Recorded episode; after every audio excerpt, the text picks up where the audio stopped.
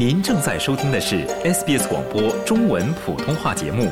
更多节目内容，请浏览 sbs 点 com 点 au 闲斜杠 mandarin，或下载应用程序 SBS Radio App。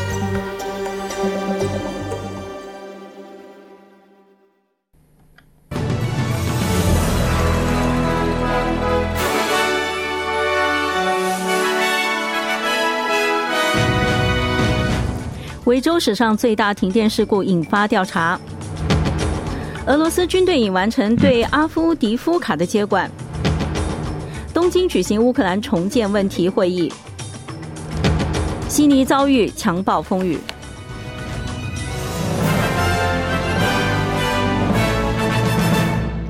下面我们来了解详细内容。维多利亚州历史上最大的一次停电事故，引发了对输电网络可靠性的调查。上周风暴席卷全州，导致数百条电线垮塌，约五十三万户家庭和企业停电。大多数用户在二十四小时内恢复了供电，但仍有数以万计的用户在黑暗中度过了数个夜晚，还有一些用户仍处于断电状态。维州反对党领袖约翰·佩苏托指责州政府未能就之前的网络可靠性警告采取行动，并表示计划成立议会调查组。他说：“风暴越来越频繁，民众正在遭受不必要的痛苦。”前移民部副部长阿布里维里兹维称，未经许可乘船抵达澳大利亚的情况几乎不可避免。上周，三十九名男子乘船抵达西澳大利亚偏远社区比格尔湾附近。李自维警告政治人士要谨慎对待由此引发的辩论，以及围绕乘船抵达澳大利亚的言论。他说，这可能会导致更多的人乘船抵达澳大利亚。他说，重要的是人们不要对这种情况陷入歇斯底里的恐慌。I think we've got to remember we've got a very, very big coastline along the west. 我认为我们必须记住，我们的西部海岸线非常非常长。澳大利亚和印度尼西亚之间的海域非常辽阔，看起来与寻求庇护者船只几乎一模一样的渔船数量非常多。尽管我们的海军效率很高，但船只被漏掉的可能性始终存在。有一两艘船会被漏掉，这几乎是不可避免的。我认为我们应该接受这个事实，而不是陷入歇斯底里的恐慌之中。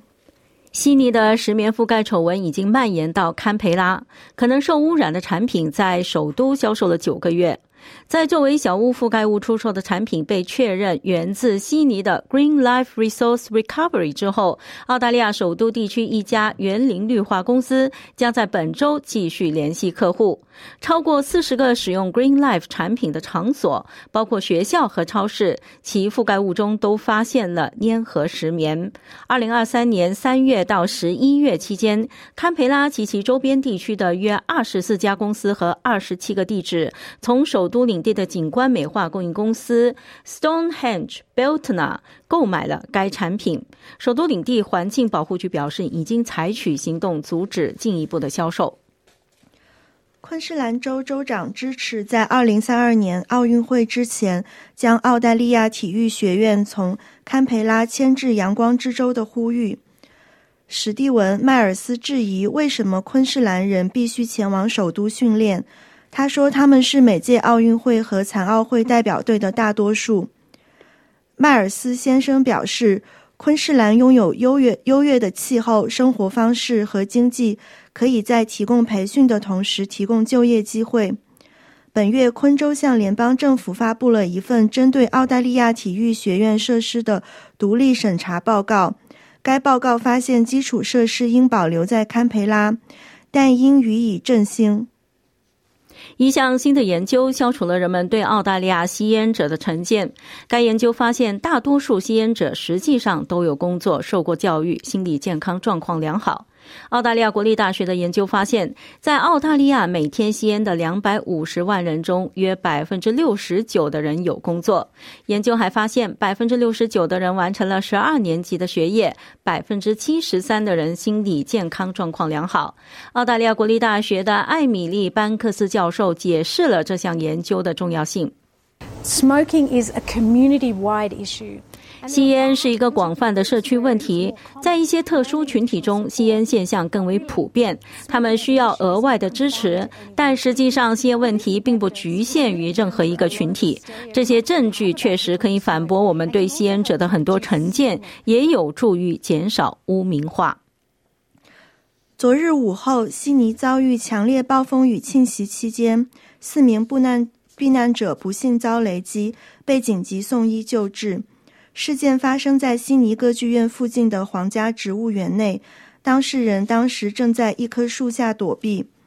据新南威尔士州紧急救护服务部门一位发言人透露，一名十几岁的男性与一名二十余岁的女性已被紧急转运至皇家阿尔弗雷德王子医院接受治疗，而另外一名三十余岁的男性及女性则被送往圣文森特医院。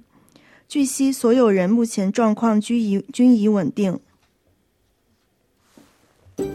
您正在收听的是 SBS 中文普通话节目。听众朋友，早上好，欢迎您继续收听 SBS 普通话新闻。下面我们来关注更多国际方面的消息。俄罗斯反对党领袖阿列克谢·纳瓦尔尼的遗孀尤利亚·纳瓦尔尼亚表示，她将继续为丈夫争取自由的俄罗斯而斗争，并呼吁支持者以更大的力度与普京总统抗争。在一段视频信息中，她还说，普京总统杀害了她的丈夫，她将与俄罗斯人民一起创建一个新的俄罗斯。纳瓦尔纳亚还指责俄罗斯当局藏匿纳瓦尔尼的遗体。подло и трусливо они сейчас прячут его тело. 他们卑鄙而懦弱地藏起了他的遗体，不给他母亲看，不把遗体交给他，可悲的撒谎，等待另一个普京的诺维乔克的痕迹消失。我们知道普京三天前杀害阿列克谢的确切原因，我们很快就会告诉你们，我们一定会查出到底是谁，到底是如何实施这一罪行的。我们会指名道姓，让大家看到他的脸。 俄罗斯政府否认与阿列克谢·纳瓦尔尼之死有关。据俄罗斯军方消息来源称，俄罗斯军队已经完成了对阿夫迪夫卡的接管，消灭了乌克兰东部的这座城市的最后一支抵抗力量。这距离俄罗斯2022年2月24日全面入侵乌克兰满两年之际，只剩几天时间。莫斯科官员周六宣布，他们已经控制了阿夫迪夫卡。乌克兰军方证实，他们已撤出这座被炸毁的城市。阿夫迪夫卡的沦陷是俄罗斯自2023年5月占领巴赫穆特市以来取得的最大战果，也是对莫斯科士气的鼓舞。在东京举行的讨论乌克兰重建问题的会议上，约五十家日本企业与乌克兰企业签署了协议。这些企业包括农业、能源和基础设施等领域的公司。日本是乌克兰抵抗俄罗斯战争的主要捐助国之一，向乌克兰提供了超过一百五十亿澳元的财政援助。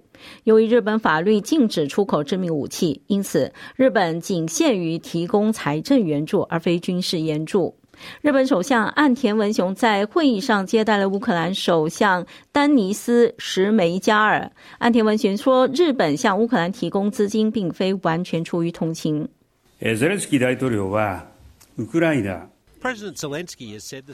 泽连斯基总统说过：“对乌克兰的支持不是慈善项目，而是对世界安全和民主的投资。”我还想补充一点，这也是对未来的投资。安田文雄还宣布与乌克兰签署一项新的双边税务条约，并开始就投资条约进行谈判。以色列外长伊斯雷尔卡茨称，巴西总统卢拉在以色列不受欢迎，除非他收回对以色列加沙战争的言论。在卢拉将以色列的行动描述为种族灭绝之后，卡茨告诉巴西大使弗雷德里克·麦耶。他不会忘记，也不会原谅。卡茨说，他要求卢拉总统就此道歉。而在此之前，他是以色列不不不受欢迎的人。在连接红海和亚丁湾的曼德海峡，也门胡塞叛军的导弹袭击损坏了一艘途经该海峡的悬挂伯利兹国旗的船只，船员被迫弃船。据报道，另一艘船在亚丁湾遭到袭击。伊朗支持的胡塞武装还声称，他们击落了一架美军 MQ-9 死神无人侦察机，但驻该地区的美军并未立即承认这一点。此前，胡塞武装曾击落过美国无人机。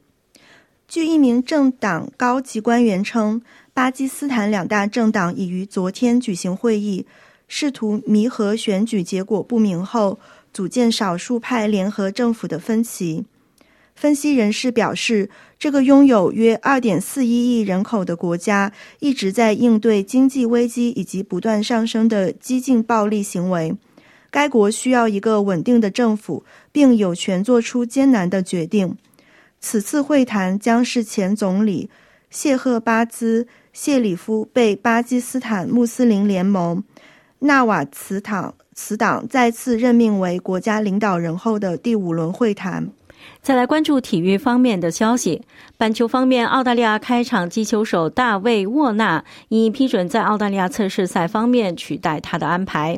华纳上个月从测试赛退赛之后，此前从未担任过首发击球手的史蒂夫·史密斯从中间位置移至中位击球手取代华纳，卡梅伦·格林接替了史密斯的位置。这一安排的开局有点困难，史密斯在揭幕战的四局中两次打出低分，但是华纳表示这最终将有助于更新团队。我认为，如果你有全国最好的板球运动员参加比赛，那么无论他们打什么位置，他们都会成长并成熟驾驭这些角色。我认为史密斯会很优秀，应该允许像格林尼这样的人在史蒂夫离开的时候，真正尝试填补这个位置。华纳是澳大利亚队在新西兰进行的三场 Twenty Twenty 巡回赛的一部分。该系列赛的第一场比赛将于周三二月二十一号下午澳大利亚东部时间五点十分举行。这二十场比赛之后将进行两场对阵新西兰的测试赛。